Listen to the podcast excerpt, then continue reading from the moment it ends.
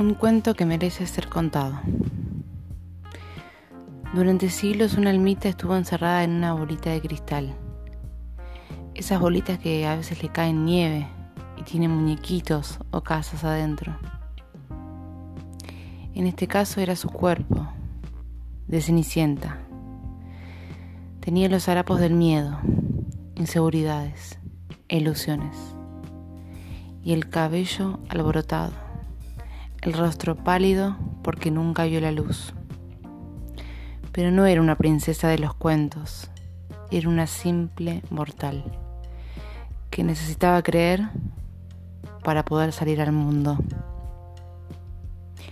Un día se dio cuenta que tenía su poder al alcance de su mano.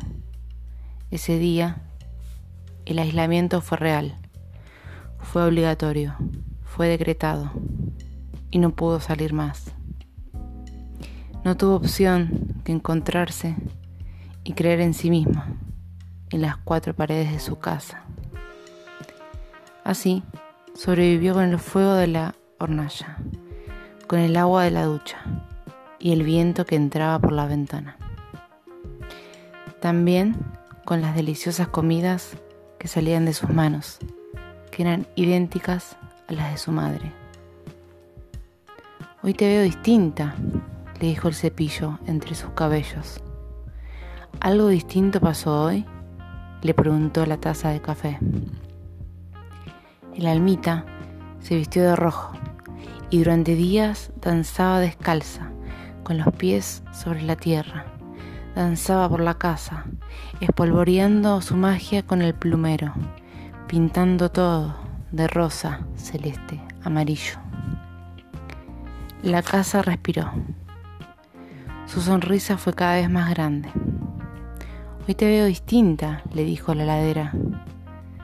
¿Te ha pasado algo? preguntó la manzana en su boca.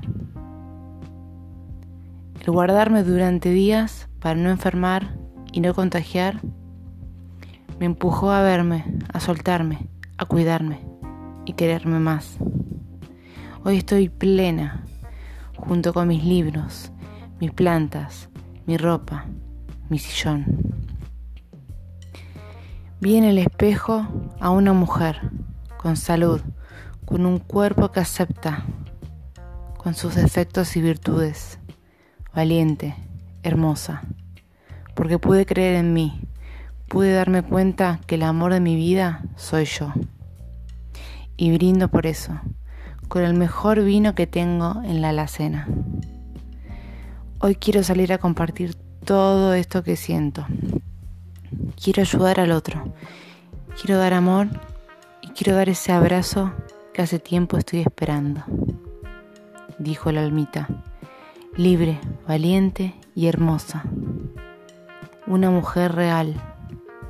Una mujer que se animó a abrazarse, a perdonarse, a reencontrarse.